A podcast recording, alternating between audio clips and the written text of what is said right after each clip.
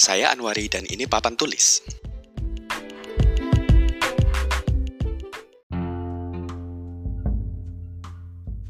Baru-baru ini saya membaca sebuah kutipan dari Excuse per School Project, sebuah project yang fokus pada upaya melihat kembali dan mendefinisikan sekolah menengah melalui kegiatan inovasi di sekolah yang melibatkan guru, siswa, orang tua siswa, dan tentunya komunitas dari lingkungan sekitar sekolah. Schools are embedded within networks, educational, cultural, professional, and social. Sekolah-sekolah atau pendidikan formal yang kita punya dan kita pernah belajar di dalamnya sebenarnya tidak berdiri sendiri, melainkan berada di dalam jaringan atau persimpangan antara area pendidikan, budaya profesional, dan sosial atau masyarakat. This quote reminds me one thing on episode 5 and 6.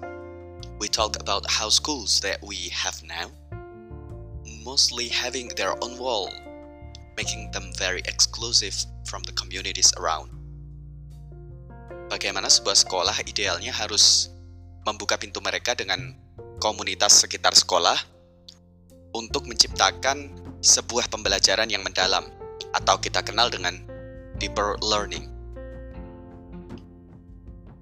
Quote ini juga membawa ingatan saya kembali ke 2016.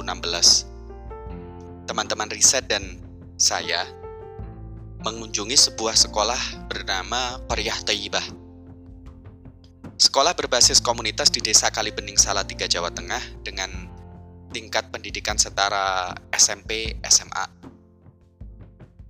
Beberapa di antara kita mungkin pernah mendengar atau mengunjungi langsung sekolah ini.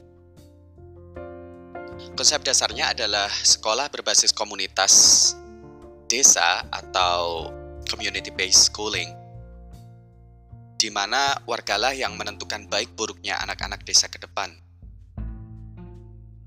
Konsep Korea Toyibah sendiri, pendidikan dikelola bersama dalam sebuah lembaga pendidikan, di mana antara warga desa, pemerintah desa, orang tua murid, guru, anak didik, secara rutin dan terus-menerus mengevaluasi, merencanakan, dan mengawasi secara bersama-sama. Inilah yang disebut dengan pendidikan yang digagas warga, dikelola bersama, dibesarkan bersama, dengan tujuan meningkatkan martabat warga desa itu sendiri. Dulunya Korea Toyibah ini adalah serikat tani di Kali Bening, dan kemudian kami menggagas sebuah komunitas belajar yang terintegrasi dengan kelompok tani. Jelas Bahrudin, penggagas sekolah Korea Toyibah. Sekolahan alternatif ini pun sebenarnya mendasarkan proses pendidikan pada analisis kehidupan nyata adanya kesatuan mengajar dan belajar, mengajar disertai belajar, guru dan siswa adalah tim, dan masyarakat desa menjalin persahabatan dengan lembaga sekolahan ini. Dan kesatuan inilah yang akan membongkar citra bahwa sekolah itu dingin, tak berjiwa, birokratis, penyeragaman, asing bagi kaum miskin di pedesaan, dan membosankan bagi guru dan siswa.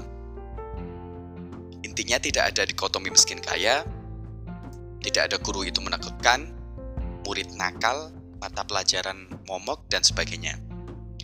Konsep utamanya adalah Korea Toyibah mengangkat prinsip kegembiraan untuk semua. Visi jauh ke depan inilah yang kemudian dirumuskan dalam rangka uh, mewujudkan masyarakat tani yang tangguh sebenarnya. Konsep pendidikan alternatif inilah yang diharapkan ke depan menjadi tumpuan bagi anak-anak petani di Desa Kalibening untuk mempercepat proses terciptanya desa yang indah. Arti sendiri dari Korea Toyibah.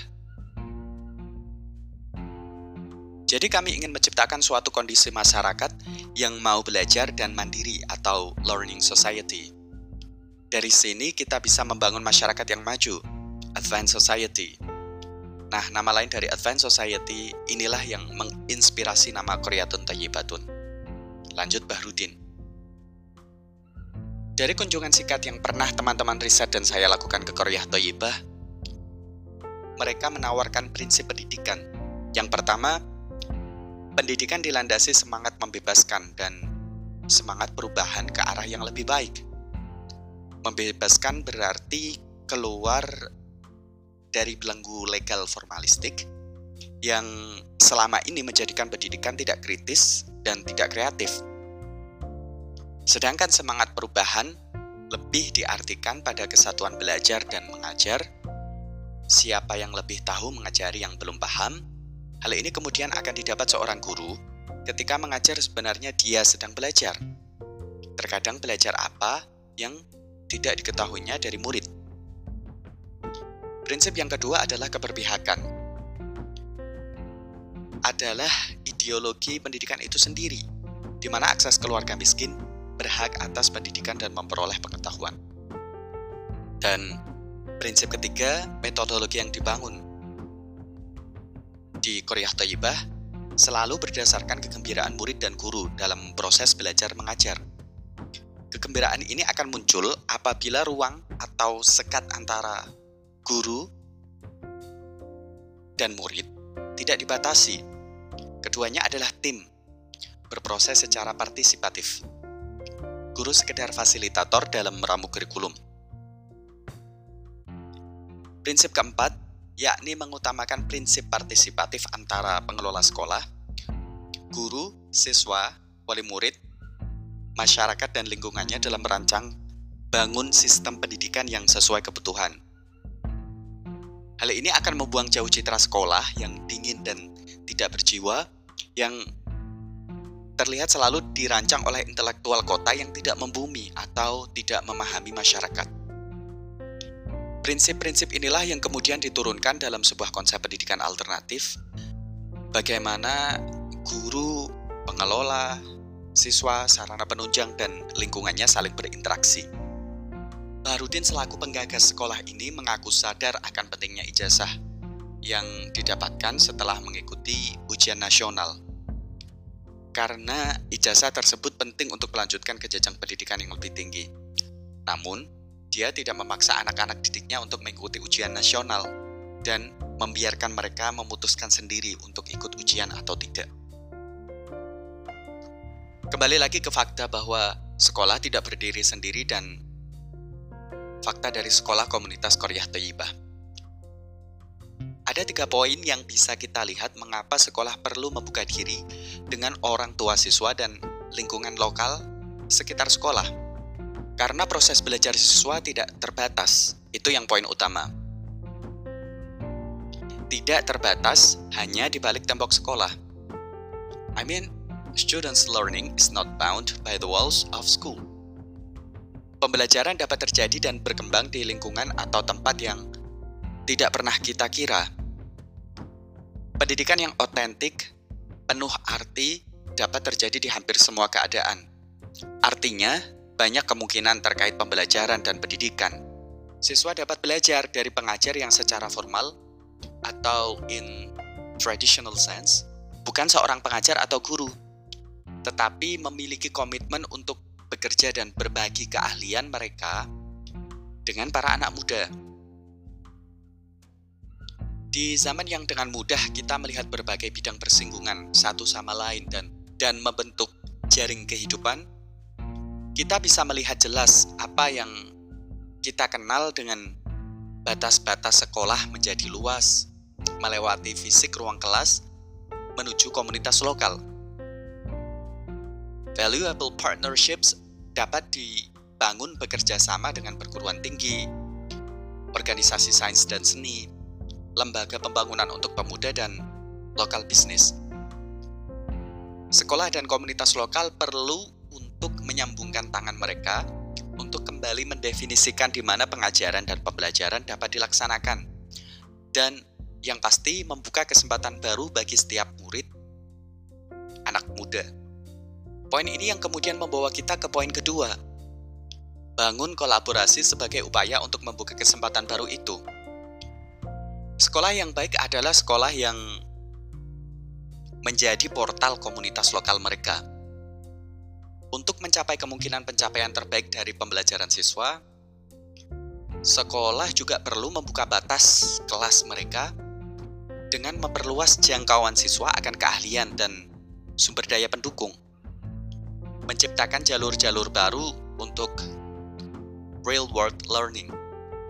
Melalui pengalaman seperti ini, siswa dapat membangun innovative thinking skills memunculkan hubungan penuh empati dengan komunitas mereka dan belajar dengan generasi sebelum mereka seperti, apa menyelesaikan permasalahan nyata. Dan poin ketiga ketika kolaborasi terbangun untuk pembelajaran siswa, komunitas sebenarnya dapat membantu dan melakukan hal lebih dari apa yang dapat dilakukan oleh sekolah sendiri. Strong collaborators are greater than the sum of their parts. Ketika berbagai organisasi atau lembaga berbagi komitmen untuk bersama-sama membangun misi dan tujuan, maka hasil dari komitmen mereka itu dapat menghasilkan dampak baik yang lebih besar dari apa yang organisasi sendiri lakukan. Ide tentang dampak kolektif ini melihat semua partner, institusi, individu, dan keluarga sebagai valued contributors dalam perencanaan dan pengambilan keputusan. Kembali lagi, siswa atau anak muda memiliki spot atau pos di komunitas mereka. Young people have a stake in their communities. Schools can help them claim it. Setiap orang memiliki peran dalam upaya membangun dan mendukung sebuah komunitas yang saling terhubung. Untuk membangun sekolah yang benar-benar efektif, maka pengajar, orang tua, masyarakat, dan komunitas sekitar sekolah perlu memikirkan bahwa mereka bisa berkolaborasi untuk menciptakan pengalaman belajar yang mendalam dan memberi perubahan. Ketika sekolah-sekolah tertanam kuat dengan lingkungan sekitar mereka, maka setiap orang akan mendapat manfaat. Pendidikan adalah bukan suatu hal yang harus disimpan di dalam sebuah kotak, walaupun ketika kotak itu berbentuk kelas. Proses belajar sebuah proses yang mendorong kita untuk menemukan lebih dari sebelumnya dapat terbangun ketika kita merasa mendapatkan inspirasi. Dunia luar sekolah sangat kaya akan inspirasi yang dapat memperkaya apa yang dipelajari di kelas. Sumber untuk semua proses pembelajaran di kelas tentang sejarah kita, tentang budaya kita, tentang tempat kita di dunia, dan tentang kehubungan kita satu sama lain. Menghubungkan kelas dan dunia luar adalah two-way flow untuk pendidikan setiap anak. Dan Mari kita bawa ini ke sistem pendidikan formal yang kita laksanakan. Terima kasih.